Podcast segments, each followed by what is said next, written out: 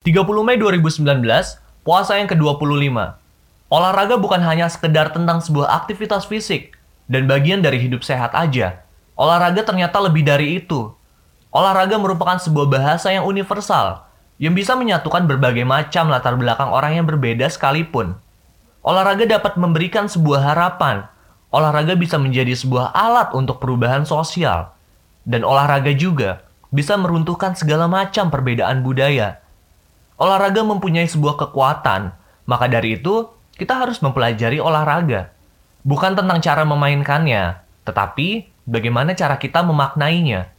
Karena saat mempelajari tentang olahraga, kita juga mempelajari masalah-masalah lain yang berkaitan, seperti kesetaraan, kebudayaan, dan juga tentang keberagaman.